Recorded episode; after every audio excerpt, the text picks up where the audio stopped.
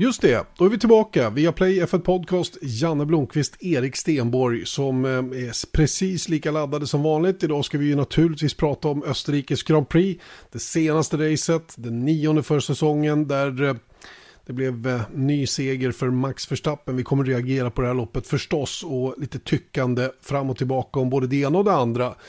dels incidenten mellan Norris Perez, Perez Leclerc Eh, där vi bland annat kommer att ta hjälp av Marcus Eriksson. Så vi får ett förarperspektiv på det, vilket jag tycker är viktigt när vi pratar om det här. Inte bara vad som står i själva regelboken. Eh, vi kommer att ta reda på om det är roligare med Red Bull-dominans i förhållande till Mercedes-dominans. Och sen så blir det ju självklart en massa tummar upp och ner och reaktioner från vissa av förarna efter gårdagens race. Eh, och då självklart ett långt snack om andra platsen för Marcus Eriksson i helgens eh, Indycar-race på Mid-Ohio. Så ser det ut, Erik Stenborg, som har eh, lokaliserat sig på landet numera. Mm. Utanför Nyköping och ja, utanför ja, i Sörmland i alla fall. Skulle Just jag säga. Du är inte i Stockholm längre. Det är fint här. Ja, det är jätte, jättefint. Det är toppen nere i de trakterna. Mm. Eh, inte för att vi ska prata om det, det är rätt så bra där jag befinner mig också. Också på landet då, precis söder om Uppsala. Men jag tycker vi eh, kastar oss med eh, hals över huvud in i, eh, i helgens begivenheter. Och Österrikes Grand Prix på näthinnan, fullt med folk på läktarna. Det tycker jag var lite cool. Över 100 000 mm. åskådare då över de tre dagarna. Första fullsatta racet då, eller fullsatta, men första riktigt påställda publikmässigt racet som vi har haft då sen, sen pandemin drog igång. Mm. Det var lite chock faktiskt, för det var inte så förra veckan. Nej. jag förstår inte vad som hände mellan en vecka till en annan. Jag tror det helt enkelt att det var biljettförsäljningen som var svagare till det första racet, för det var ju det som blev extra ditsatt så att säga då, med, med anledning av Kanada och allt vad det nu var som ströks då. Just det. Men eh, ja, alltså det, det kändes ju verkligen så här uh, ovant att se de där bilderna. Alltså på den där Max Verstappen-läktaren. Alltså, jag tror inte man kan, jag tror inte att jag förstår hur stor den där uh, ung, unge mannen är. Nej. Nej, men det är ju som jag sagt tidigare, den där fanklubben som vi sa förr var 120 000 människor stor, den är säkert 220 000 människor stor nu. Han drar ju enorm publik på tv i Holland, i Nederländerna, förlåt. Eh, och det roliga är att Nordic Entertainment Group, det vill säga våran våran eh, uppdragsgivare har ju köpt rättigheterna till Formel 1 i just Nederländerna från och med nästa säsong. Och eh, mm. ställer nog stort hopp till att Max Verstappen fortsätter att leverera. Han får gärna vinna VM i år också. Det, det lär inte minska intresset om man säger. Nej, jag tror inte det. Men du, mm. apropå det nu när du säger det. Hur känns det ändå, alltså om man tittar på racet så var det ju så här, okej, okay, jäkla bra grid kan jag tycka, så här att det är kul när man tänker på det så här, ja men det var norr, en McLaren på andra plats helt plötsligt och eh, Mercedesbilarna lite längre ner och Perez mitt i bland där hela tiden. Men sen så när man tänker efter på det så blir man ju livrädd inför ett, ett sånt race. När man tänker så, okej, okay, men Verstappen som var väldigt stark i första racet i Österrike har nu inte bara Mercedes, alltså Mercedesarna bakom sig ska han ha för att han ska ha lite press. Nu hade han dessutom en blocker i form av McLaren. Så det kändes ju redan på förhand som att det här racet kommer bli precis så som, man, så som det faktiskt blev. Att Verstappen kommer bara sticka iväg, Mercedesbilarna kommer ha det lite jobbigt att ta sig förbi och sen så är det redan över om segern så att säga. Mm. Jo, men visst var det så. Det var ju den bilden som Lewis Hamilton gav alla innan start också. Att eh, det här blir en easy walk in the park för Max Verstappen. Och det är ju som jag sa förra veckan att han har ju bra koll. Han vet ju, han ser ju datan. Den datan som mm. vi också fick se faktiskt den här helgen. Och jag vill landa lite grann i det. För att där blev det så tydligt på den här grafen som vi såg. Vad det är som gör att Red Bull är bättre än Mercedes just nu. Och framförallt varit det de här två helgerna i, i, eh, i Österrike. Hur, eh, hur Mercedes helt enkelt har en för dragig bil. De har för mycket luftmotstånd. De tvingas göra för mycket luftmotstånd för att bilen ska funka eh, overall, eh, helt och hållet på varvet.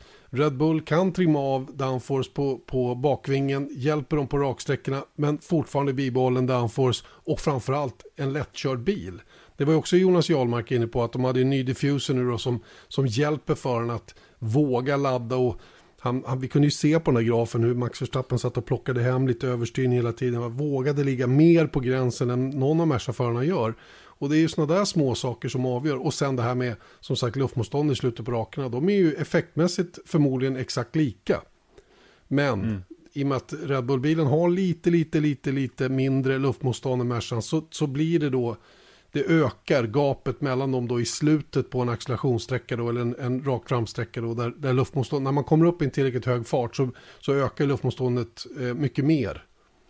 Eh, och det gör ju då att har man en bil som är lite mindre draggy då så har man jättestor fördel av det. Och det är ju där tiondelen försvinner uppenbarligen. Så att Merca är inte i något lätt läge. Eh, verkligen inte va. Och det verkar som att det är något fundamentalt som de har gjort till i år med sina tokens, uppdaterade den här bilen. Eller så är det så att Red Bull gjorde ett mycket, mycket bättre jobb med uppdateringarna eh, med sina tokens till den här säsongen i, i kombination med att Honda också fick till en motor som gör att den här high rake-konceptet nu funkar fullt ut, vilket den förmodligen aldrig har gjort sedan 2014 fram till och med nu. Mm. Kanske för att de har tillräckligt med power för att Exakt. leva upp till konceptet. Precis så är det. Motorn drar så pass mycket nu så nu kan de optimera setupen på den här bilen på ett helt annat sätt än de gjorde tidigare och helt plötsligt är de då bättre. Jag tror att Red Bull kanske hela tiden från 14 och framåt har haft en bra bil. Men de har aldrig förrän i år, delvis förra året, haft en motor som, som gör dem rättvisa, så att, eller gör chassit rättvisa. Mm. Men betänk det här då. McLaren, som har likadan motor som Mercedes, är snabbare än Mercedes på kvalet. Vilket då tyder på att McLaren-bilen är bättre än Mercedesen. Mm, det är den. Just men, på Red Bull Ring åtminstone. Men då, får, då kommer vi tillbaka till de här graferna som, som Jonas och Rickard visade. Hur vi såg jämförelse mellan George Russell och Fernando Alonso. Och så precis tror jag att det ser ut mellan McLaren och Mercedes. Jag tror att Mercedes-bilen är bättre än McLaren-bilen eh, på varvet totalt sett. När det, när det funkar någorlunda normalt. Eh, men där, där, ehm, där ehm, Norris har vissa saker som de är bättre på än Mercedes-bilen, vilket de kan utnyttja på just en sån här bana då, där tow uppenbarligen är väldigt viktigt och hög fart, alltså toppfart. Och där, är ju, där har ju Merca båda de här helgerna varit väldigt sårbara då, i och med att de har tvingats köra den här laggårdsdörren till bakvingen som de själva har sagt då, för att skydda bakdäcken och ge förarna en bil som någorlunda funkar okej okay då i kurvorna. Mm. Men du, de senaste sju åren så har man ju liksom lite så här suttit och hoppats på att Mercedes-dominansen skulle ta slut på ett eller annat vis. Så att kanske inte, ja, inte nödvändigtvis att dominansen skulle ta slut, men att någon annan skulle komma ikapp i alla fall, att vi skulle ha den här fighten. Eh, som vi hade de första sju racen här, den här säsongen. Och nu på Red Bull Ring så har det ju varit ytterst tydligt att åtminstone på Red Bull Ring så är Red Bull-bilen enormt mycket bättre än Mercedesen. Vilket enormt då säger du. Får... ja, jo, ja, men relativt sett enormt, ja. Ja, men tänk dig hur, hur, enkelt så att säga, eller relativt enkelt som Verstappen har vunnit de här två senaste racen så är det ju svårt att säga någonting annat, tycker jag. Ja, jo då, det, det är förvisso sant. Men det är bara den ena Red Bull-bilen som är enormt mycket bättre. Och det är det, det är det som är lite intressant i det här. Det är lite svårt att sätta fingret på vad som är vad här. Men, men bättre har den definitivt varit. Det är ingen tvekan. En tiondel, en och en halv, kanske två. Och det blir mycket vet du, när man kör 70 varv. Mm, men då skulle jag vilja hävda att de senaste fyra åren så har en Mercedes-bil varit enormt mycket bättre än resten. Sen så har Bottas kunnat blixtra till ibland också, likt Perez gjorde i, eh, i Baku till exempel. Men att det ändå varit en stor skillnad med, internt i Mercedes då. Mm. Sett till, jag menar förra året så kom ju inte ens Bottas tvåa va? I VM, jag tror han kom trea. Mm bakom Max Verstappen. Jo, nej, men visst är det så att Bottas inte är på samma nivå som Lewis Hamilton. Men jag tycker ändå att han är närmare Hamilton än vad Perez eller någon annan av tvåorna i, i Red Bull har varit Max Verstappen. Men det, det är hårklyveri egentligen.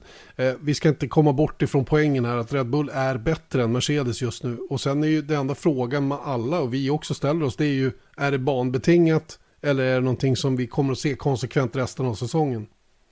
Mm. Ja, men låt mig ta den då, lite. De, om man tittar på de fyra senaste racen så har vi haft, varit i Monaco, speciell bana, Baku, speciell bana, Frankrike, inte så speciell bana, ja, till viss del speciell bana. Och sen så då har vi då två gånger på Red Bull Ring. Och där har det sett väldigt bra ut för, för Red Bull. Så att jag har hört då väldigt mycket folk prata om att ja, men på Silverstone så, så är ju Mercedes normalt sett väldigt, väldigt, väldigt bra. Men det är inte så att Mercedes har varit kassa på Red Bull Ring i fjol till exempel. Nej. Heller. Nej. De vann ju båda racen. Nej, nej, du har helt rätt. Så att, eh, ja, jag, jag skulle ändå hävda att, att eh, jag, jag säger absolut inte att VM är över. Verkligen inte, för det är, det är långt kvar och mycket kan hända. Och jag menar, ledningen som Verstappen har är inte oöverstiglig på något sätt. Men jag tror ändå att så här, ja, om man tittar på Ja, men alltså vadå? Vi kan ju hoppas, men jag tror samtidigt att, att eh, det Red Bulls VM att förlora. Snarare än tvärtom. Nu har det blivit så ja. Det håller jag helt med om. Mm. Att det deras, det, skulle de inte vinna VM i år då har de förlorat det. Eh, Mm. Snarare än att de har vunnit en andra plats. Så att det, nej, men det är jag helt enig med dem. Och, och ehm, framförallt är ju trenden så tydlig. Det är ju den som är så jobbig för Mercedes att se. Och, och det är ju den de ger sken av också tycker jag utåt faktiskt. Mer tydligt än vad man kanske är van vid i Formel 1. Men de är ganska tydliga med att de inte längre är där. Och Lewis Hamilton i synnerhet då som för övrigt skrev på då ett nytt tvåårskontrakt med Mercedes över säsongerna 22 och 23. Eh, kanske hänger det ihop med då att han vet att någon åttonde VM-titel eh, är det mycket sannolikt det inte blir då i år. Eh, och han behöver kanske ett par säsonger på sig då för att greja den då. För den tror jag han är väldigt sugen på, att bli ensam på åtta VM-titlar. Så, att- så att, eh, nej men jag, jag håller nog med. Och, och fr- frågan är ju då om Red Bull har tagit sig vatten över huvudet då i uppdateringskriget. De har ju varit väldigt aggressiva fram till nu i alla fall. Och uppenbarligen hittat helt rätt med allting. Medan Mercedes som har grejer i pipelinen fortfarande då, men inte lägger någon mer krut på ytterligare uppdateringar längre fram. Mm. Men som sagt, man har ju suttit och hoppats på att, eh, att, att den här dominansen från Mercedes skulle ta slut och så har man kanske tänkt då att så här, men tänk om Red Bull kunde vara där istället. Alltså i slutet av förra året så kanske man satt och tänkte så. Och nu helt plötsligt så har vi haft ett antal race då där Red Bull har varit de dominanta teamet. Och då har jag tagit in all data jag kunde tänka mig och räknat på det här. Hur mycket roligare är det att Red Bull dominerar än, eh, än Mercedes? Vad är, vad är det för data du har tagit in? Hur många starka du har fått i dig? Och hur Ja, kul det, ungarna det är ganska mycket magkänsla kan jag säga. Jag misstänker det. Låt oss höra nu, Ja. hur mycket bättre, hur mycket roligare är det med en annan dominans än när Mercedes dominerade? Det är exakt 4,7 procent roligare med att Red Bull dominerar Formel 1 VM i år än att, än att Mercedes gör. Okej, låt oss då få veta hur de kommer fram till den här 4,7 procenten.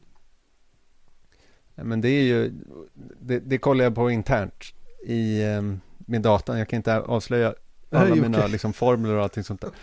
Så, så det måste du förstå. Ja, ja, självklart. Du kan inte avslöja dina Mm. källor i det här fallet. Okej, 4,7 procent. Nej, men det, hade det kunnat vara 5 tror du? Det hade kunnat vara fem, vet du, vet du hur? Nej, Det här är en, en, en data, vad heter det? Datakanal just det, just det. som vi lärde oss om i helgen. Telemetri Det är, alltså. nämligen, det är nämligen just det faktum att så som jag upplever att Verstappen är som VM-ledare. Jag tycker, eh, när man har sett till exempel, om, om jag jämför med Nico Rosberg, när han ledde Formel 1 VM 2016, då var ju han lite likadan som, som jag upplever att Verstappen är nu, att han Oh, ja. försöker liksom skjuta den här äh, snacket om att han ska vinna VM ifrån sig. Mm. För att han vill bara fokusera på det. Men det på något sätt så, viss med facit i hand så kanske man ser tillbaks på det här på ett annat sätt. För man vet ju vad som hände med Nico Rosberg efter han hade vunnit den här VM-titeln 2016. Att han, han var liksom klar med Formel 1. Han orkade inte mer i stort sett. Så att det tror jag är svårt att sudda ut, men samtidigt så vet man ju hur Nico Rosberg var. Han sa ju det rakt ut att nej, men jag tänker inte prata om det. Jag tänker inte prata om VM-titeln. För att jag vill bara fokusera på nästa race. Det är min taktik och det var han öppen med, vilket jag tyckte var ganska spännande på ett sätt. Att, och jag vet att du träffade honom I Mexiko. i det, år, ja, det året Mm. och han är så här, nej men sluta nu, jag, Mm. jag kommer inte prata om det här. Eh, och medan Verstappen då, och det är väl som man är som person, och det här är liksom verkligen min egna syn på det, men det är att han, han är han verkar obrydd på något sätt. Han är inte så pepp på det här på något sätt. Att det är klart att han är det, men han, han är liksom lite mindre skön mm. runt sin fokus på Formel 1-VM. Mm. Därför blev det 4,7 procent istället för 5 procent roligare att Verstappen leder VM dominant än att till exempel Lewis Hamilton gör. Så att oskönheten kostade 0,3 procentenheter. Det är ju inte bra naturligtvis för Max Verstappens del. Eh, men jag kan samtidigt eh, ha stor förståelse för att hans eh, så att säga, sinnesstämning går in i ett speciellt läge när det faktiskt är på riktigt allvar VM-titeln som hägrar. Det, det är inte, jag tror mm. inte han har känt det här som man känner nu någon gång tidigare i hela sin karriär faktiskt. Oavsett om man kör det innan Formel 1 eller vad det nu är. Det här är på riktigt nu. Och det här är ett sånt mål som han har drömt om och haft så länge. Så det är inte konstigt om grabbarna sluter sig lite grann när de ställs inför det faktum att det här kommer. Och de vill absolut under inga omständigheter jinxa någonting. De försöker att inte vara eh, eh, eh vidskepliga och sådana grejer va?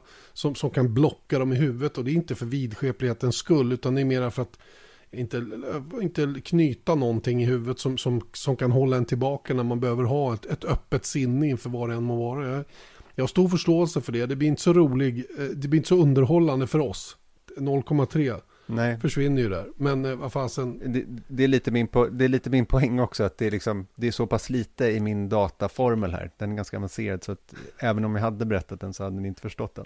Men poängen är ju att jag förstår det också. Men det är, jag tror jag har hört varenda intervju som han har gjort framför vår mikrofon den här säsongen och han säger nästan ingenting. Nej. Ingenting. Nej.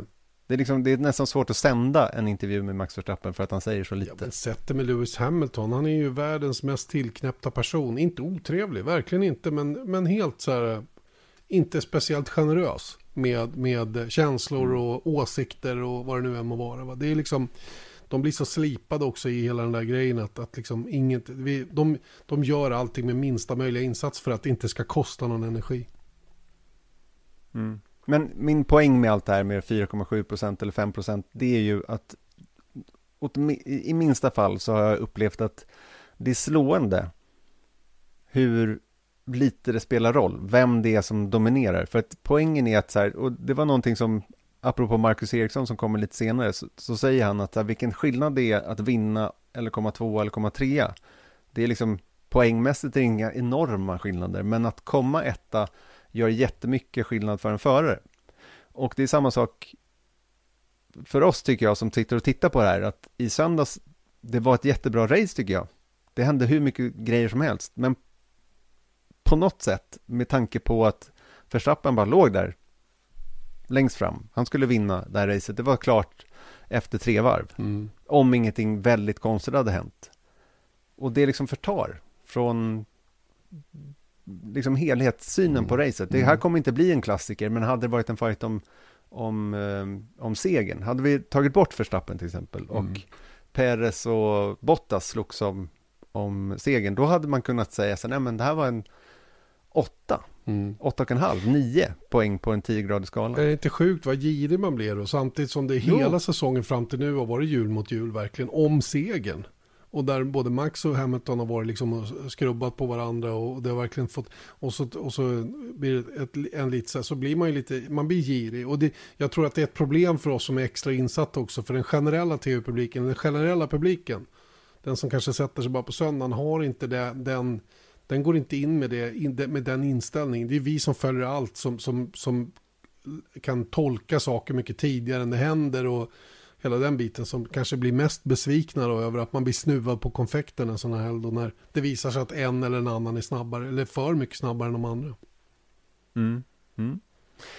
Hur som helst, jag tycker det är spännande ändå att se någonting som här, tyder också på Red Bulls dominans är att här, vi pratade om det tidigare, eller något tidigare avsnitt av podden, är att när det varit den här fighten, hårda fighten mellan Hamilton och Verstappen, så har båda börjat göra misstag för att de blir pressade helt enkelt. Det är då misstag kommer i Formel 1. Men Verstappen sätter ju inte ett hjul fel nu. Men det är för att han inte heller, han, är, han, har, han har ingen press. Nej, han, han kan, han kan åka med den där lilla procenten marginal hela tiden eftersom han aldrig är hotad. Och det gör ju då att misstagen är helt bortblåsta. Eh, naturligtvis är det ju också en mental fråga att inte vara pressad som gör att man minimerar misstag. Men i huvudsak så är det väl så att materialet tillåter den att åka med goda marginaler och då kommer heller inga misstag. Så att eh, det, är, det är två saker som, som egentligen bidrar till, till, samma, till samma sak. Så att eh, är det, han, är, han är otroligt stabil just nu och han är ju trots allt bara 23 år gammal och, och väldigt tidigt i sin karriär trots relativt många säsonger i Formel 1 redan. Så att, Eh, men, men, som jag sa tidigare, han, han, är nu, han står alltså inför någonting som han har drömt om så länge. Så att det här är en, det är en knepig situation att hålla skärpan uppe och eh, fortsätta att leverera på den här oerhört höga nivån som det kommer att krävas. För annars är någon där och hugger till exempel Mercedes igen. För de kommer inte att nöja sig med att vara så här långt efter. De kommer att göra vad de kan inom ramen för både budgettak och deras uppdateringsprogram och allt vad det nu är. Så är det med det. Eh, vi rullar vidare med lite tummar upp och ner. Vad säger du om det? Eh, vi brukar ju leverera lite sådana och eh, det är ju svårt att förbise en, en viss person som fick tumme redan förra veckan eh, och som har fått tumma förr den här säsongen och som är i ett slag, jag vet inte, i, han håller på och kör in sig i någonting som, som är på riktigt. På riktigt faktiskt eh, lyfter honom till nästa nivå. Eh, han är ju, börjar ju bli ett världsmästarämne tycker jag. Och jag pratar förstås om Lennon Norris. Det är jättetidigt att prata i den, de termerna. Men, men titta som killen genomför helgerna och så bra han gör det. Och han klassar verkligen en teamkamrat just nu som, som är ansedd att vara en av de bättre på griden och, och, på det sättet han gör det, då kan man inte bortse ifrån det längre. Utan den här killen med rätt material, han är definitivt så bra, tycker jag, eh, konsekvent, snabb eller den grejen, att han skulle förmodligen vinna VM. Ja, om han hade bilen ja. Självklart, självklart är det så. Men det är många som har haft bilar som man kan vinna VM i som inte har gjort det. Jag börjar liksom att känna att den här killen kanske är lite grann av det, det rätta virket om vi säger så.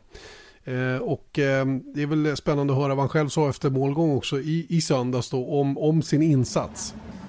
I didn't think we were expecting to maybe be as quick as today. Um, we knew we made progress and we were quicker yesterday and that was evidence that we had made progress and the car was performing better and so on. Um, and uh, yeah, today I think we had a bit more expectation than last weekend. We thought we could definitely do a bit better and I mean, I said before the race that there's potential to be racing them for a bit longer and a bit further into the race. Um, but uh, yeah, the car was was really good to drive, like a big step forward from last weekend, and it shows how much of a difference it can make just in the car performing the way you want it to, and um, to have that confidence to lean on the rear tires and, and so on. And um, you can go from ending up 30 seconds behind to racing with these guys. And uh, I know Max was completely on a different different circuit today, but uh, to race with Lewis and to race with, with Valtteri just on pure pace and to beat one of them because we were ahead or to beat one Red Bull, one Mercedes. And I mean, I would have said we, we had the pace to quite easily beat Valtteri today. Um, it's a good sign, but uh, yeah, I just would have loved to have been P2 as well. Lando Norris där alltså som, eh, ja, han var nöjd med tredjeplatsen men han kände nog att han hade hugg även på Valtteri Bottas. Eh, det här var ju det mest fascinerande tycker jag i söndags. Att Mercedes, de raceade alltså McLaren. De raceade inte Red Bull. Och det är väl första gången i år som de överhuvudtaget inte kunde titta åt Red Bull-hållet. De hade inte pace för det. Eh, dels med skadorna på Hamiltons bil men att Bottas inte heller var det. Det, det, är, det är rätt fascinerande hur det har svängt i det avseendet också. Mm, verkligen. Och jag tänker också på hans, nu, nu har det blivit några pallplatser för Norris ändå och jag tänker liksom att en sån person, apropå det du sa tidigare, så är det ganska intressant att en sån person är lite halv missnöjd med att komma trea plötsligt. Ja, men jag tänker, det var ju den stora liksom, grejen förra året, att han kom trea i Österrike i första racet då. Men det var ju totalt oväntat och nu, nu liksom, hans, hans förväntningar på sig själv har ju också förflyttat sig. Visst. Helt enkelt. The goal post is moving. Helt klart. Eh, och det gör att vi landar i en nedtumme faktiskt och eh, det hänger ihop lite grann med Lando Norris även om Perez var drabbad i det avseendet, det som hände direkt efter eh, omstarten där. Eh, Sergio Perez alltså får en rejäl tumme ner. Det här var ett riktigt, riktigt dåligt race faktiskt av Sergio Perez tycker jag. Obalans på honom, inte obalans i bilen, ja det kanske han också hade, men han var obalanserad i sitt sätt att uppföra sig på banan, vilket han, eh, han själv också medgav efter, efter loppet. Inte minst då efter incidenten med, med eh, både Norris, eller eh, med Leclerc framförallt, som han blev bestraffad för. Mm. Och det där tycker jag, nu nämnde vi det där tidigare i att Verstappen gör så få misstag för att han ingen, inte har någon press. Så jag, man skulle kunna liksom hänvisa till den, samma tankegång runt Sergio Perez, tror jag också. Att han gör den här försöket på utsidan på första varvet, för att han är ju desperat. Han, han, han ser ju att Verstappen kommer vinna återigen. Och inte att han ska liksom slå Verstappen i VM, men det är klart att han vill ju bevisa sig så himla mycket. Det är därför han tar de här stora riskerna och sen så bara blir det liksom huller om buller hela, hela dagen egentligen. Mm. Så och, det var ingen höjdardag alltså. Nej, och lyssnar vi på honom själva så, så är det precis så han uttrycker sig. Yeah, it was a, a disaster my race, uh, first with Lando. I think uh, it wasn't fair racing there. Um, I was lucky not to have any damage, but the next time can be different, you know. But anyway, uh, my race was ruined after that. And with Charles, I'm extremely sorry because I'm not. That's not the, the way I like to to be racing. Um, in both occasions, I just tried to break as late as possible, end up without road. Um, actually, I did some damage to my front wing. Um, we had very old tires, you know, at that stage with dirty air and so on. So it was just over the limit, and, and uh, I haven't I haven't seen the incidents uh, with, with, Charles, but, uh, but yeah, I'm just frustrated with that because, uh, as I say, that's not the way I like to race. Mm, tufft race för Sergio Perez. En rejäl tumme ner den här helgen då. Lyckades inte göra det som han hade tillsammans med teamet förutsatt sig att göra då, nämligen att ta sig förbi Norris upp till andra platsen och sen följa sin teamkollega till en dubbelseger på Red Bull Ring. Det gick eh, käpprätt åt skogen skulle man kunna säga då, eh, tack vare lite missbedömningar, lite oflyt och eh, inte helt bra körning från hans egen sida heller.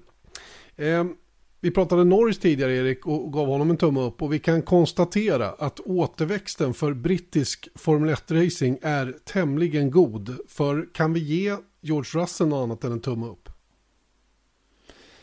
Alltså skulle man vara lite elak så skulle man ju kunna poängtera då att han tappade fyra platser på de första, första varvet eller de första par varven. Ja, det var första varvet faktiskt, ner på till tolfte. Mm.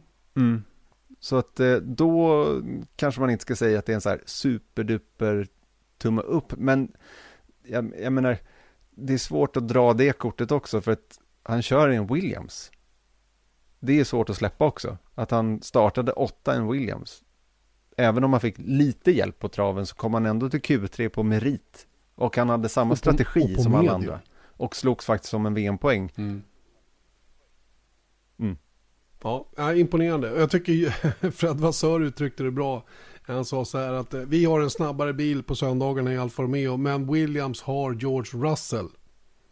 Och det är ju mm. lite fascinerande eh, att de ger honom den credden. Eh, apropå att ge cred förresten, Lewis Hamiltons eh, beröm till Lennon Norris mitt under brinnande race är ju inte heller så illa faktiskt. Lennon Norris som fightades länge och väl med Lewis Hamilton i början på racet där, vilket han gjorde eh, otroligt bra, så mycket förtjänst och så smart när han väl insåg att han inte skulle ta fighten längre utan han lät Hamilton bara rinna förbi utan att förlora någon tid själv. Nej, de unga britterna som, som kommer bakom Lewis Hamilton gör att Storbritannien eller England kalla det vad du vill, eh, de, har, de behöver inte vara oroliga för återväxten. De kommer att ha världsmästare framöver också, tror i alla fall jag. Mm, men jag håller verkligen med om den saken. Men du, hur ser det ut för Finland då? Oh, den frågan får man lite då och då. Hur, hur är återväxten i Finland? Den är tyvärr inte lika god då. Eh, för bakom Kimi Räikkönen och Valtteri Bottas är det ju faktiskt tomt. Det finns ingenting som fyller på där. Det är klart att det finns några unga kartingkillar och säkert någon i någon juniorkategori. Men det är ingenting som det är något utropstecken bakom just nu. De här killarna som var i i, i GP3 eller det som nu är Formel, äh, FIA Formel 3. De finns ju inte kvar längre. Och eh, det, Nej, det, ser, det ser riktigt mörkt ut för deras del. Och eh, beroende på vad som händer med Valtteri Bottas så, eh, så eh, liksom, det, om ett par år så kan det vara tomt. Och det är ju första gången på väldigt, väldigt länge som Finland i sånt fall inte skulle ha någon finsk förare på griden. Och det är ju det är lite störande. Eh, Kimi Räikkönen eh, ger vi faktiskt en tumme ner den här helgen. Han eh, hade inte något bra race, eh, dåligt kval igen. Jag vet inte vad som har hänt med hans speed i kvalen, men han racear ju bra, det gör han faktiskt. Han var ju 11 i första racet här i Österrike, men nu i söndags vet jag 17 vad han gjorde på slutet. Han hade ju ett bra upplägg, tycker jag ändå. En, en inverterad enstoppare som han gjorde då, och, men, men det funkar inte alls. Jag vet, vad, vad 17 gjorde han på sista varvet med Sebastian Vettel? Vad tappade han synen fullständigt? Nej men jag trodde han hade fått en stroke, alltså på riktigt. Det var ju, jag menar... Jag så gammal det, det är ju, Nej, men jag, jag undrade liksom om man har en så här döda vinkeln rakt fram eller någonting sånt där, för det, det såg ju faktiskt helt sjukt ut. Ja. Jag menar, jag trodde liksom, när man såg repriserna så bara, nu ska vi få se vad, vad det var som hände, men han sitter ju, han sitter ju och tittar rakt fram, mm. men bara liksom kör, kör in rakt in i fötten, visst. Ja, ytterst märklig situation. Det som föranledde det var ju att han bromsade på sig in i kurva 4 lite grann, tappade utgången, Fettel gick förbi, Eh, på insidan och Kimmy liksom bara styr rakt in i, i Fettel på ett sätt som jag eh, har svårt att se att han skulle göra utan att det var något specifikt som hände som inte vi vet. Eh, efter loppet sa han ju bara att ja, jag måste kolla på videon. Det var liksom ingen, ingen direkt förklaring som vi har fått i det avseendet. Eh, Fettel sa att det, måste, det var ett missförstånd, sa Fettel. Han var väl snäll helt enkelt med Kim Räikkönen. Mm. Lite väl snäll kan jag tycka. Ja. Men vet du förresten att, för om man tänker nu så här, Kim Räikkönen, så pass till åldern kommen, Bottas osäker. Det kan ju faktiskt vara så, även om jag tror att kanske Bottas kommer fortsätta och kanske Kimi också, något år till. Men det skulle kunna vara så att 2022 är alltså första gången som vi inte har en finländare på griden sedan 1977 Oj. full time. Oj. Det var värst. Ja, 1978, 1978 började Keke Rosberg köra och sedan dess har vi alltså haft minst en finländare på startgriden kontinuerligt mm. varje säsong sedan dess. Imponerande. Imponerande facit om inte annat. Vi svenskar ska ju bara dra ner rullgardinen och, och gömma oss när vi, när vi får sån statistik. Så att vi ska inte sitta här och slå oss för bröstet på det sättet, verkligen inte. Va? Men det, är ju, det, det, som, det som jag tycker det är att det är tråkigt om det är ett sånt stort, en stor nation i Formel 1-sammanhang eh, inte orkar få fram eh, en, en ny eh, talang liksom på den nivån som de behöver vara då för att, för att nå Formel 1. Och det är oklart varför det är på det här viset. Om de har haft jobbigt rent ekonomiskt, de här killarna som, jag menar Micke Häkkinen har ju varit mycket bakom Valtteri Bottas till exempel. Va? Men har de glömt bort att ta hand om resten? Är det så att de börjar liksom själva ha för mycket annat att göra och det, det här återväxtprogrammet som kanske behövs inte riktigt finns längre. Finns. Svårt att svara på. Vi får väl hitta någon som, som kan prata om det. Eh, en tumme upp också till Fernando Alonso. Jag tycker han ska ha det. Han, eh, han var ju on fire. Han är on fire just nu. Eh, men fick ju betala priset för, för att Sebastian Vettel hamnade i vägen i kvalet. Då. Jag tycker ändå att köra till sig en VM-poäng och den fighten som han då hade med George Russell där på slutet var ju eh, sevärd om inte annat. Mm. Och man undrar nästan lite vad, vad som har hänt med Alonso sett till hans passion på något sätt. Och dessutom så här, nu upplever man plötsligt som Alonso som lite så här schysst typ. Ja. I och med det som hände då med Russell efter, efter racet. Mm. Han, han liksom går, går fram till honom, klappar om honom, tröstar honom i praktiken för han har snott hans liksom, första VM-poäng för Williams. Mm. Och jag menar, det känns inte så här Alonso-ikt direkt. Nej, nej, han brukar tugga i sig det mesta och spotta ut det eh, strax efter. Så att, nej, men han, eh, han, eh, jag vet inte. Men, men jag klagade över att han kändes lite loj i början på säsongen för några helger sedan. Men, men det har verkligen försvunnit nu. Sen Ocon skrev på det där nya kontraktet. Det var vi inne på förra, förra veckan. Så har ju Alonso verkligen börjat att blixtra till. Och så gjorde han även denna helg då. Och det var ju, ja, det var ett händelserikt race i alla fall för honom. For one point it was like the, the last lap of the championship uh, uh, position. So I mean it, was it was only one point, but uh, I think it was at least deserved, you know, for the whole team. Uh, the performance this weekend was was very good, and uh, it's very little reward, probably only one point, but uh, at least we keep scoring every Sunday. I think for the last four Grand Prix, so let's let's keep it that, that this way. Fernando Alonso där alltså. Um en sista tumme och den måste peka neråt känner jag. Mm. Då ger vi den till Esteban Ocon tycker jag. Vad Alonsos teamkompis. Vad har hänt? Två helger i rad nu. Totalt miserabel. Mm. Mm. Den här gången kom han inte ens ett fullt varv. Det var inte hans fel i och för sig. Va? Men, men riktigt, riktigt risigt alltså här i Österrike har det varit för Esteban Ocon. Och då får man inga tummar upp. Då får man tummar ner. Mm. Ja, som sagt, alltså det som hände i racet eh, är ju en sak. Då blev han ju totalt liksom ihopkörd mellan två bilar. Så där hade han inte så mycket liksom, egen förskyllan. Men det är även liksom rent helgmässigt så har han inte direkt sytt ihop det heller. Han startar långt bak och det är där sånt här händer. Mm. Oftast. Visst, visst är det på det viset. Tråkigt för Ocon, men han har sitt nysignerade kontrakt. Han får leva på det. Och jag är ganska säker på att han kommer att studsa tillbaka. Det är en skicklig förare eh, under alla omständigheter. Även om det inte gick något vidare just i Österrike. Problemet med Österrike också, det är så små tidsdifferenser som spelar roll. Varje liten hundrationdel är ju massor med positioner. Så ibland kan man ju se sämre ut rent placeringsmässigt än vad man i själva verket var rent fartmässigt. Så att, eh, ja ja, vi, vi, eh, vi ger honom, eh, vi ger honom en, en chans till, Esteban Ocon.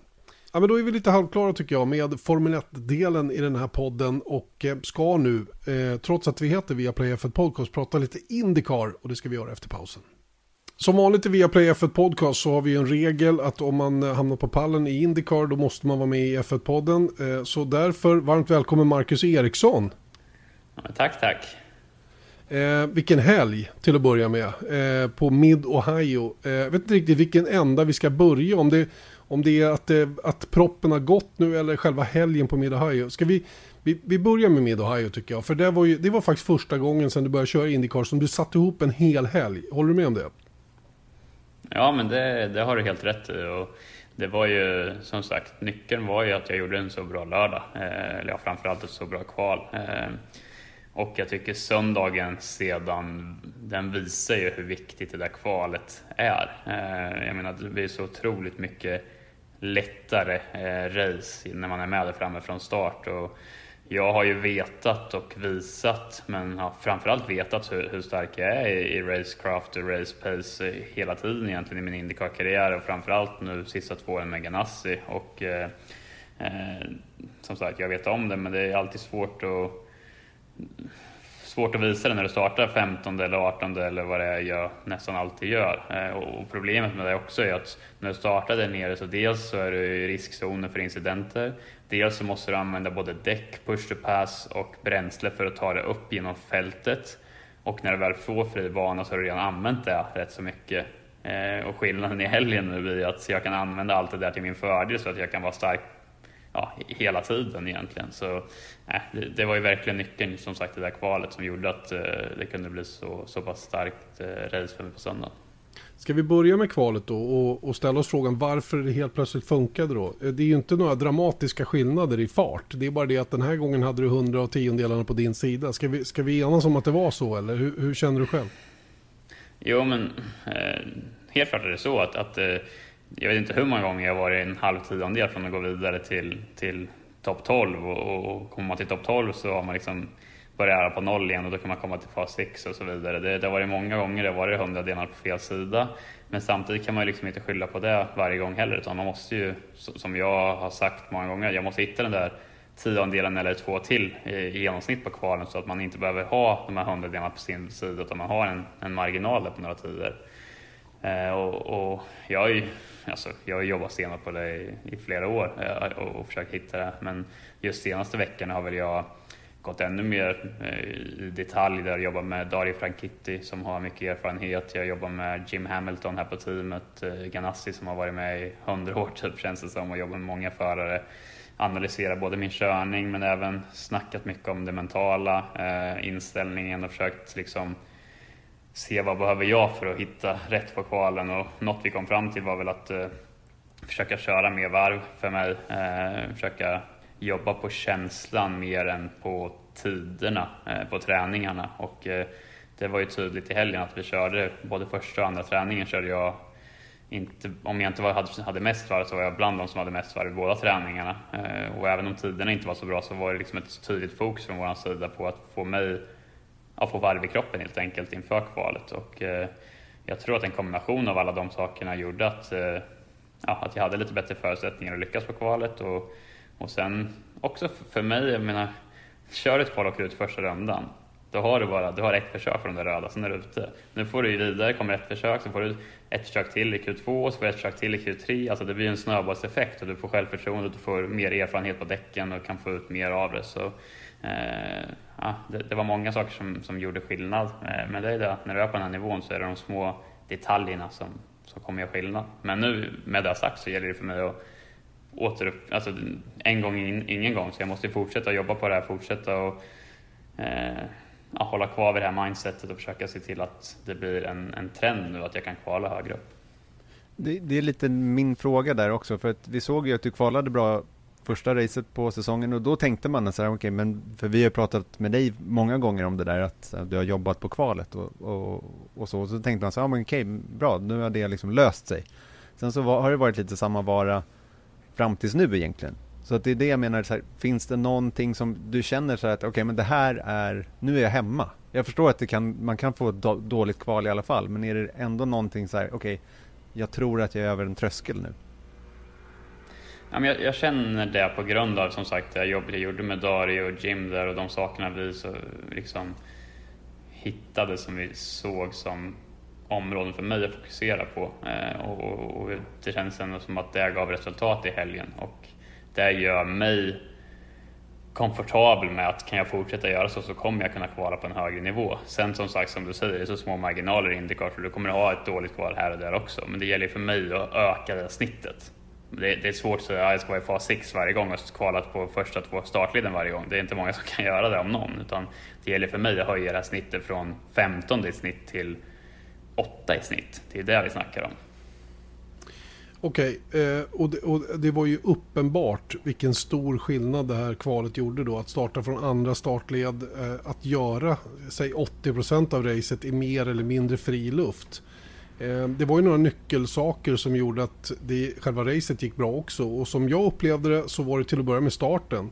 Eh, som var ganska intensiv kändes det som. Scott Dixon låg närmast bakom dig. Han var uppe, han var faktiskt före dig också genom kurva två där. Men han fick en för snäv vinkel och tvingades backa ur, rutinerad som han är.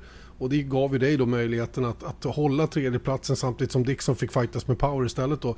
Vad var din tanke då inför start? Hur, hur gick liksom idéerna i huvudet om hur du skulle hantera det där?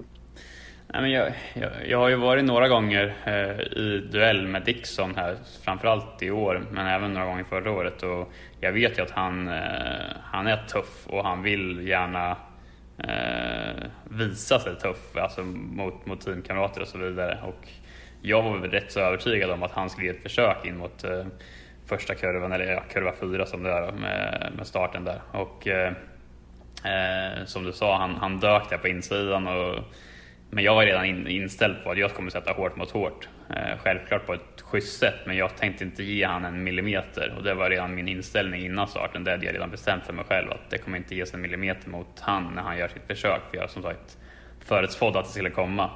Sen som du säger tror jag att han, han märkte att jag inte vek ner mig direkt i inbromsning. Utan jag, eh, när jag såg han komma på insidan så släppte jag upp min broms och liksom svarade på hans attack. Och då tror jag att han rutinerad som man här kunde räkna ut att tre bredd i den här kurvan kommer bara sluta på ett tokigt sätt. Oavsett vems fel det är så kommer det bli inget bra. Och han eh, backade ur det och då eh, gick jag och Powers jämsides genom kurva 5 då, nästa kurva och där lyckades jag runda han på ett snyggt sätt eh, och, och hålla i på yttern. Då. Och det var ju så, såklart en, en nyckel för resten av racet att jag höll den där tredjeplatsen efter de där första kurvorna. Det där är ju lite spännande faktiskt när du säger att du vet hur Dixon är eller hur han försöker så att säga. Och då tänker jag direkt på liksom hur stor skillnad i det erfarenhetsmässigt att veta nu efter ditt tre, i, i, din tredje säsong i Indycar veta liksom hur folk beter sig? Nej men så är det alltid i racing. Du, du, du kör ju olika mot olika förare. Eh, folk kanske säger att de inte gör det, men, men så, så är det. Du, du lär dig dina motståndare och vet deras styrkor och svagheter och deras eh, beteenden ute på banan. Och, och då får man ju i de här tiondelsbesluten man gör så får man ju väga in sådana saker också. Eh, så, så är det helt klart. Och nu har jag byggt på mig som du säger, inne på min tredje säsong. Jag, jag känner de flesta i serien och vet ungefär hur de, de flesta beter sig på banan. Och det, det är som sagt får man ha med sig i bakhuvudet när man är ute och kör det. Sen så var det ju då den första stinten då som, som jag tror man alla som tittade på racet insåg skulle vara kritisk. Du var en av några få som valde att starta på röda däck då. Att, att depåfönstret var så stort som upp mot 26-27 varv någonting. Att få däcken att hålla och samtidigt hålla tempot. Eh, du sa till mig innan att du ville ha de röda för att liksom komma loss från de med svarta där och, och liksom få lite space i alla fall i inledningen och sen göra så gott man kan med de här däcken då. Ja men precis, och jag varit lite förvånad. Jag trodde att våran bil skulle vara bättre på de röda däcken och hade haft rätt så bra balans på de röda dagen innan på, på kvalet som sagt. Och, eh, men tyvärr så kände jag rätt så tidigt på den stinten att eh, mina framdäck, eller ja, balansen i bilen var alldeles för mycket eh, understyrt. Så jag började överhetta framdäcken och försökte justera med de verktygen man har i bilen men de räckte inte till utan eh, det hade redan liksom satts igång den här överhettningen på framdäcken och då blev ju sista, ja vad var det, åtta varven på stinten blev ju eh, för dåliga för mig egentligen. Nu i efterhand så var det det som jag förlorade racet på. Att jag var lite för långsam där sista åtta varven av stint nummer ett jag tappade de där 7-8 sekunderna på Newgarden eh, på de varven. Och, eh, eh så, så, det var ju lite synd, men sen var ju istället då var ju bilen väldigt välbalanserad på de svarta däcken. Eh, svarta däcken hade ju mindre bakgrepp rent generellt så jag visste ju också när jag skulle komma på de svarta att eh, förhoppningsvis och förmodligen kommer bilen vara mer balanserad på dem och, och så var ju fallet. Sen var det då en andra stint på den svarta gummiblandningen som du sa. Ni gick in ganska odramatiskt depåstopp. Det ska vi väl nämna att dina gubbar i depån har ju verkligen ryckt upp sig nu. Det är inga katastrofstopp långt därifrån. Nu är ni med i matchen, eller hur? Touchwood. men, eh, eh, ja, nej, men verkligen så är det. De har gjort ett toppenjobb. Och sen vi gjorde den här lilla justeringen eh, med depåpersonalen och tog in en, en ny gubbe där och lite sådana där grejer så, så har det ju verkligen steppats upp där. Och, eh, man märker också på dem att de, de lever sig med, är taggade och de märker ju också att vi är med och fightas i toppen och det gör ju dem extra motiverade också. Och, och det, jag har sagt det många gånger i Indycar, så du måste ha alla bitarna på plats annars kommer du inte kunna vinna och slåss om pallplatser. Och depåstoppen är ju en otroligt stor del i eh, Indycar, eh, att liksom ha en bra crew och eh, det har jag verkligen nu och det är jag väldigt eh, glad och tacksam över. Eh, och det fick ju inte minst Colton Hurta erfara då eftersom de hade strul hos Andretti Autosport på vid det första stoppet. Tankriggen funkar inte som den skulle och det gav ju dig då så att säga gav dig andra platsen. Eh, och då fanns det ju bara ett, ett att kolla efter. Det var ju Josef Newgarden längst fram då. Eh, du lärde dig en hel del under andra stinten sa du till mig eh, som, som du hade nytta av i avslutningen sen på, på samma gummiblandning. Ja precis, på andra stinten där så försökte jag liksom känna av hur de här svarta däcken beter sig över en, en stint. Man var ju tvungen att göra upp mot, eh, vad var det, 27-28 varv tror jag på, på de där två stinterna, två avslutande stinterna. Så under den första svarta stinten så försökte jag lära mig som sagt hur, hur de betedde sig och hur de eh, slet, eh, eller ja, hur, hur de eh, hur slitaget var. Ja, så heter det. Eh, och, eh, och kände att det var bakdäcken som, eh, som var det största problemet. Så då till min sista stint på svarta så, så visste jag det på förhand och justerade verktygen och min körning eh, direkt när jag kom ut på de nya svarta däcken och försökte se till att vara smart på den körningen så att jag kunde ha en stark avslutning på racet. Och, eh, det gjorde jag på ett väldigt bra sätt och kunde ju verkligen attackera sista tio varven och hade däck till att göra det och var ju på vippen att jag liksom kom hela vägen fram där och tog Newgarden. Hade behövt ett varv eller två till. Ja, det räckte inte riktigt till då. Men, men oavsett det, jag menar, du, du ju inte racet på de sista två, tre varven. Utan du gjorde ju det då i början på de röda däcken. Det har vi redan konstaterat. Men eh, kände du lite blodsmak där? Du såg att han kom närmare och närmare. Och han måste ju lägga på marginalen trots allt. Eftersom du så lätt kunde köra kapp honom. Verkligen. Jag pratade med honom efteråt och sa ja, du fick lite trafik där mot slutet och han bara, trafiken var mitt minsta problem i det här laget. Det var, mina bakdäck var helt slut och han sa att jag hade inte klarat eh, ett varv till. Eh, jag var så, så glad att målflaggan kom för att eh, jag var jätteorolig sa han. Så, eh, nej, och, det är som du säger, man får ju verkligen blodsmak i munnen när man ser att han har problem. Jag såg ju hur han gick brett ut ur många kurvor och att jag tog in hela tiden. Och, räknade ner varven och försökte eh, jag använde push och pass men jag vill inte använda upp allt för jag vill ju ha kvar när jag väl kom ikapp och det var ju också en försöka balansera det där så att man inte var för ivrig på det för att komma ikapp och sen var, ha, ha slut när man väl var ikapp. Så, nej, det var verkligen en, en rolig eh, fight där mot slutet eh, och jag körde verkligen sista två varven var det full 110% attack för att försöka hinna ikapp då men som sagt det var ett, ett varv för, för lite. Och det är väl lite risk and reward i det där läget också. Du vill inte ställa till det för dig själv. För att jag menar en andra plats är ändå en andra plats i ett Indycar-race. De, de, de växer ju inte på träd så att säga. Så jag förstår att man måste väga av det. Och, och det är väl det som gör Josef Newgarden så bra också på något sätt. att han, han, han väger ju av det där otroligt bra trots allt. Eh, som, som kör slut på sina däck men han hade den marginal som krävdes då. Ja, det är väl lite det, är väl lite det som är Scott Dixons eh, specialitet också som har gjort han så många mästerskap. Så, så är det absolut.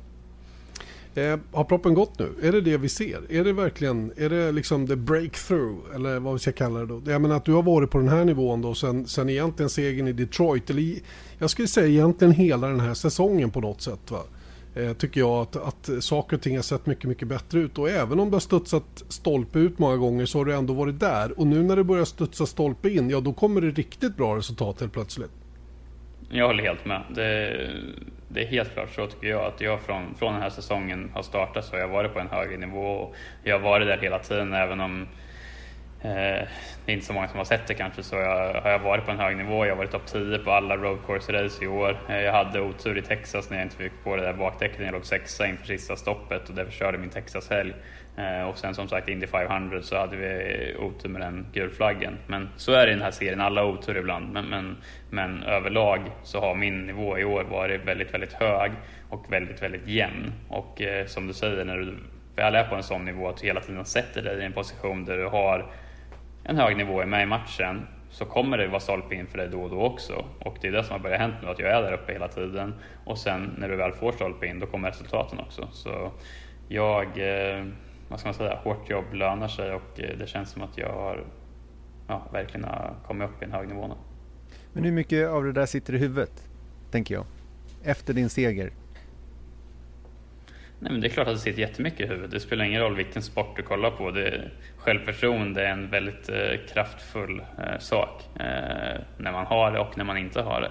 Och eh, det är klart att jag är fylld av självförtroende just nu när, när saker och ting som sagt börjar gå min väg, när jag får resultat. Eh, framförallt efter att ha haft åtta år av inte så mycket självförtroende kanske. Så, så det är klart som tusan att det, det gör mycket. Det, det, oavsett idrott så, så kan man, man försöker alltid snacka bort det där men, men det är otroligt eh, kraftfullt. Eh, så hur tänker du nu inför de återstående racen? Det är sex kvar va? Är det det när ni startar mm. om igen? Eh, är, är liksom, kör du på någon form av placering i mästerskapet eller är jakten på fler segrar? Vilket, vilket, vilket har du med dig in nu i mindset för resten av året? Det är 300 poäng att köra om. Eh, det är mycket poäng kvar, det är många race kvar eh, och jag är femma i mästerskapet nu så jag har väl satt som till Alex, min tränare, jag snackade på vägen hem nu från Mid Ohio att topp 5 är minimum och nu siktar vi uppåt i mästerskapet. Eh, det är inget snack om den saken. Jag kollar på tabellen nu i förmiddags och jag ligger ju tvåa i Road Street Course eh, om man bara kollar på dem i mästerskapet. Och eh, jag brukar sagt att ovalerna har varit min styrka i Indycar så, eh, så det känns ju verkligen som att jag är med i matchen och det finns ingen ingen anledning till att inte sikta på att plocka ännu mer. Eh, nu är det lite längre upp till dem längre fram men som sagt det är väldigt mycket poäng kvar att, att spela på. Jag kommer sikta på att plocka ännu mer platser i mästerskapet. Det, det kommer vara mitt fokus här på sista sex racen. Då så Marcus, då har vi pratat klart om Indycar och vill få lite syn på något som vi redan har berört i den här podden och det är ehm, de här bestraffningarna eller domsluten som har varit mycket snack om efter helgen och eh, till att börja med så kan inte du ge oss ditt förarperspektiv på det som hände mellan Sergio Perez och Lando Norris i, på första varvet? Yes, så för mig så var det väldigt tydligt när jag såg det och även när jag funderade på det efteråt att jag tycker inte att det skulle ha varit en bestraffning. Och anledningen till det är att för mig så är det tydligt som förare att när du försöker gå på yttern av någon annan, du försöker attackera på yttern, så sätter du dig först och främst i en utsatt position. Och för det andra så om du ska kunna göra omkörning på yttern så måste du vara en halv billängd före på utsidan för att kunna klara av att göra det. För annars kommer den på innern att trycka ut, flytta ut bilen och se till att det blir för trångt i utgången. Så fungerar det i racingen och så fungerar det när man kör där ute. Och det tycker inte jag är ful körning utan det tycker jag är självklar körning på ett tufft sätt när man kör racerbil. Eh, och därför tycker jag att det var väldigt tydligt att det inte skulle vara bestraffning i, i den situationen. Är det svårare att hantera den här situationen i en Formel 1-bil än i en Indycar-bil till exempel där du kör? För där har ni också mycket hjul mot hjul-fighter och jag menar på Road America till exempel, kurva 4, kurva 5, jag tror om det är femman och sexan där är det ju ofta att man trycker ut den som är på utsidan, som försöker en ytteröker. Ja, men det, som sagt, i, i, i racing är det så. I Indycar är det ju så hela tiden egentligen att man, man slår ju i hjul i hjul och det är alltid egentligen på Indycar om du försöker på utsidan av någon så är det ju nio gånger av tio så blir det ju avtryckt för att det är ingen som låter den köra om på yttern och det är så det funkar. Det är hård racing. Det tycker inte jag är fult utan det är liksom tuff racing. Det är klart att i Formel 1 så är dels bilarna lite mer ömtåliga och du har ju mindre bromssträckor än i Indycar så det blir lite kanske svårare så sätt att du, du kan inte köra hjul hjul på samma sätt och så vidare. Men, men samtidigt tycker jag som sagt, jag tycker det är förarens eget ansvar att inte sätta sig i en sån situation där du är beroende av en annan förares omdöme. Det tycker jag är att då får du själv ta på dig vad som, vad som händer sen. Så, så anser jag. Jag vill i alla fall bara dra en liten tes som jag läste någon skrev. Jag kan tyvärr inte hänvisa till källan. Men då var det så här att liknade det här med att okej, okay, om du är ändå uppe typ jämsides med bilen på utsidan eller med den, du ska försöka köra om på utsidan och du är typ jämsides. Om det där hade hänt på en raksträcka och personen hade tryckt ut dig, då hade det varit en solklar bestraffning. För att man kan inte bara hålla på och trycka ut någon utanför banan. Så egentligen så tesen från den personen var då att men, är du där, då måste du lämna plats. Men det är inte så mm. enkelt, tänker du? Ja, men det är om man vill ha det svart och vitt på allting och att alla ska köra som robotar så kan man ju köra på den eh, taktiken. Men jag tycker inte det. Jag tycker vi ska uppmuntra att, eh, liksom, att man ska risa varandra och eh, jag tycker också det är väldigt stor skillnad när man är en kurva och en naturlig linje genom en kurva. Att du går från ytter till apex till ytter mm. Eh, och då ska du försöka köra om någon på yttern så blir det att du utsätter dig själv Alltså det är en naturlig grej att du går från, eh, ja, du byter liksom spår över, över banan medan på en raksträcka så åker du bara rakt fram. Så jag tycker det kanske finns en liten poäng där men jag tycker inte den håller alls när man eh, kollar lite noggrannare på det. Men det är en intressant diskussion i vilket fall. Jag tycker problemet som vi har varit inne på tidigare ligger i, i reglernas, i regelbokens, eh, hur det är skrivet i reglerna den här lämna bilbredd på utsidan den är ju väldigt, väldigt svår att, att genomföra. Så att, eh, ja. Apropå det där med komplexiteten i regelboken, för det är väl någonstans där problemet är att så fort du liksom sätter en regel för någonting, att det här är okej, okay, ja men då gör man ju det. Men sen så helt plötsligt så går du över den utan att kanske veta om det själv. Eller då blir det godtyckligt. Ju mer liksom, hårda regler du har, upplever jag att det blir svårare att få det stringent.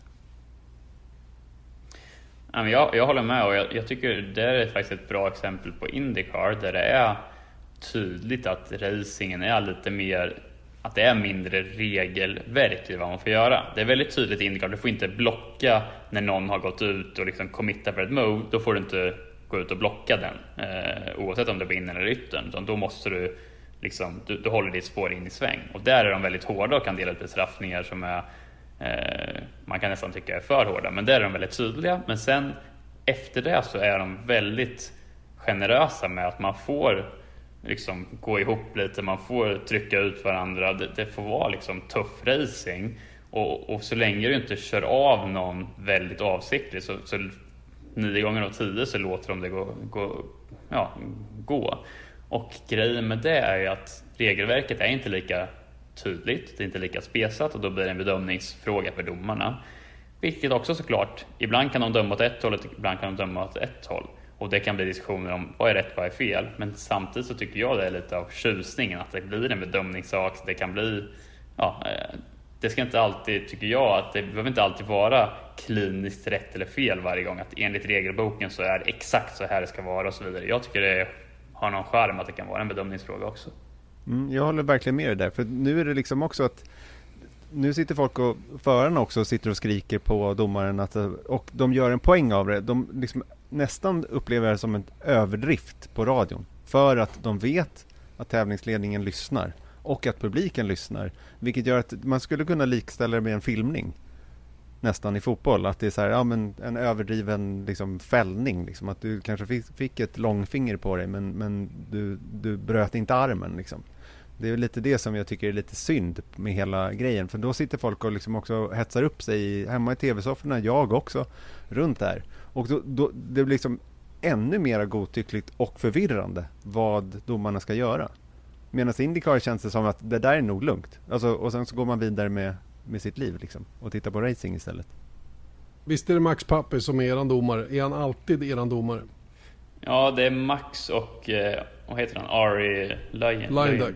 Just det, Nederländerna. Just det, okej. Okay. Eh, det jag tycker ska krävas och krävs och finns, det är ju förståelse för hur racingen fungerar. Exakt. Eh, och, och, det är precis det som domarna måste ha. Den förståelsen måste de ha. Problemet domarna har idag, det är ju den förbannade regelboken. Och det Exakt, är det och jag, som tror, är jag tror att Exakt, jag tror det är det som är problemet. För det sitter ju smarta gubbar som är Exakt. domare. Men Exakt. de har en regelbok som är alldeles för välskriven. Som gör att de, även om de kan se hur racingsituationen är, så är de inboxade i regelbokens hörnet på något sätt. Och då kan de inte göra bedömningen. Och medan i Indycar så har du också bra gubbar som har racingerfarenhet, som vet racing, hur det funkar. Men de är inte inboxade i ett hörn av en regelbok, så därför kan de ta beslut som oftast är väldigt bra baserade på hur det funkar i en racerbil. Alright, den här kommer, det här kommer nog att väcka lite, alltså det blir ju reaktioner på sånt här. Så det får vi väl anta att det blir på veckans podd också då när vi har pratat det här om dig också Marcus Eriksson. Det är jätte, jättebra att få den här inputen från dig som förare också angående den här incidenten då. Dels Lando Norris, Sergio Perez, men också Perez mot Leclerc. Där det var två gånger som Perez faktiskt blev bestraffad själv för att göra samma sak som man tyckte att Lando Norris gjorde mot honom. Så att eh, ja, det är ju en, eh, det är en och det är ju, jag skulle säga att Österrike, banan i Österrike är också lite inbjudande till det här med sina sandfållor på utsidan. Och det, jag menar, hade det här varit i Abu Dhabi, Marcus, vad hade hänt då? Jag hade den, då hade den på utsidan kört om och så hade vi skrikit över att han genomförde omkörningen utanför banan, eller hur? Ska väl alltid, alltid vara någonting att klaga på vet du. Exakt, exakt. Nu ska vi släppa det. Jag vet att du ska ut och cykla nu. Trampa ur dig lite mjölksyra från helgen. Eh, ihop med Felix bland annat som vi hoppas kan eh, få ett bra sommaruppehåll och repa lite mod då inför andra halvan av säsongen. Det har ju sannolikt inte gått hans väg så här långt. Men eh, kör försiktigt hörni. Vi kan ju ramlade och bröt nyckelbenet. Det hoppas vi inte ni drabbar av. Nej, vi, ska ta det, vi tar det lugnt och försiktigt. Det låter bra. Tack så länge. Tack. Då så, jag tycker veckans eh, F1-pods avsnitt börjar närma sig sitt slut. Vad ska du göra i, i helgen? Du ska ut och resa ja, i praktiken. jag ska få åka på racerbanan för första gången på, på länge. Eh, jag ska följa med Björn Wirdheim faktiskt ner till Falkenberg. Där ska vi eh, jobba tillsammans med Porsche Carrera Cup Scandinavia som kör eh, sin, vad blir det, tredje tävlingshelg. Och eh, det kommer dessutom vara den här Sprint Challenge som kör samma helg. Så det är mycket att stå i där nere. Och eh, soligt och fint väder på västkusten förutsätter man ju. Fotomangen som bor nere i Halmstad säger ju att det aldrig regnar där nere. Vilket inte stämmer någon gång egentligen. Men eh, oavsett vad. Får jag hoppas för hans del. Ja, vi ska faktiskt säga. bo hemma hos Mange också. Så det ska bli lite rolig reunion. Apropå reunion. Såg du den bilden i helgen med, med Christian Klin, Mark mm. Webber och Björn Wirden? Det var ju faktiskt lite kul. Det var 15 år sedan mm. de, de hängde ihop senast. Mm, 2004. Det var med, 17 Jaguars, år sedan måste det Ja, exakt. Så 2004, Jaguars F1 lineup tog en bild tillsammans i, i paddocken. Och alla jobbar för tv. Ja, så är det. Alla stjärnorna går den vägen nämligen till tv. Alright, vi, eh, vi säger väl så tycker jag och eh, säger på om en vecka igen då. Då ska vi börja ladda upp för nytt race. Då är det dags för Storbritanniens Grand Prix och då ska vi prata sprintrace. För då är det första gången de tänker testa den biten. Men det väntar vi med till nästa, nästa veckas podd. Tills dess säger vi hej då. Ha det gott. Ja, jag har ju allt. Jag kan ju berätta allt om det där. Jag satt ju i möte med eh, ett Zoom-möte med eh, där Ross Braun satt virtuellt bredvid mig och eh, Martin Brundle satt virtuellt bakom mig right. också. Så då... jag vet allt om sprint, sprintkval som det heter. Let's... Eller de heter till och med The Sprint kallar de det. Just det, det är ju en egen serie det såg jag också. Sprint, Sprint Series, eller vad kallar de det? Mm, ja, någonting inte. sånt. Ja, ja, det får vi ta nästa vecka du som gör sagt. Det. Du får reda ut begreppen för oss nästa vecka. Nu då, får jag säga hej då nu? Ja, adjö. Adjö.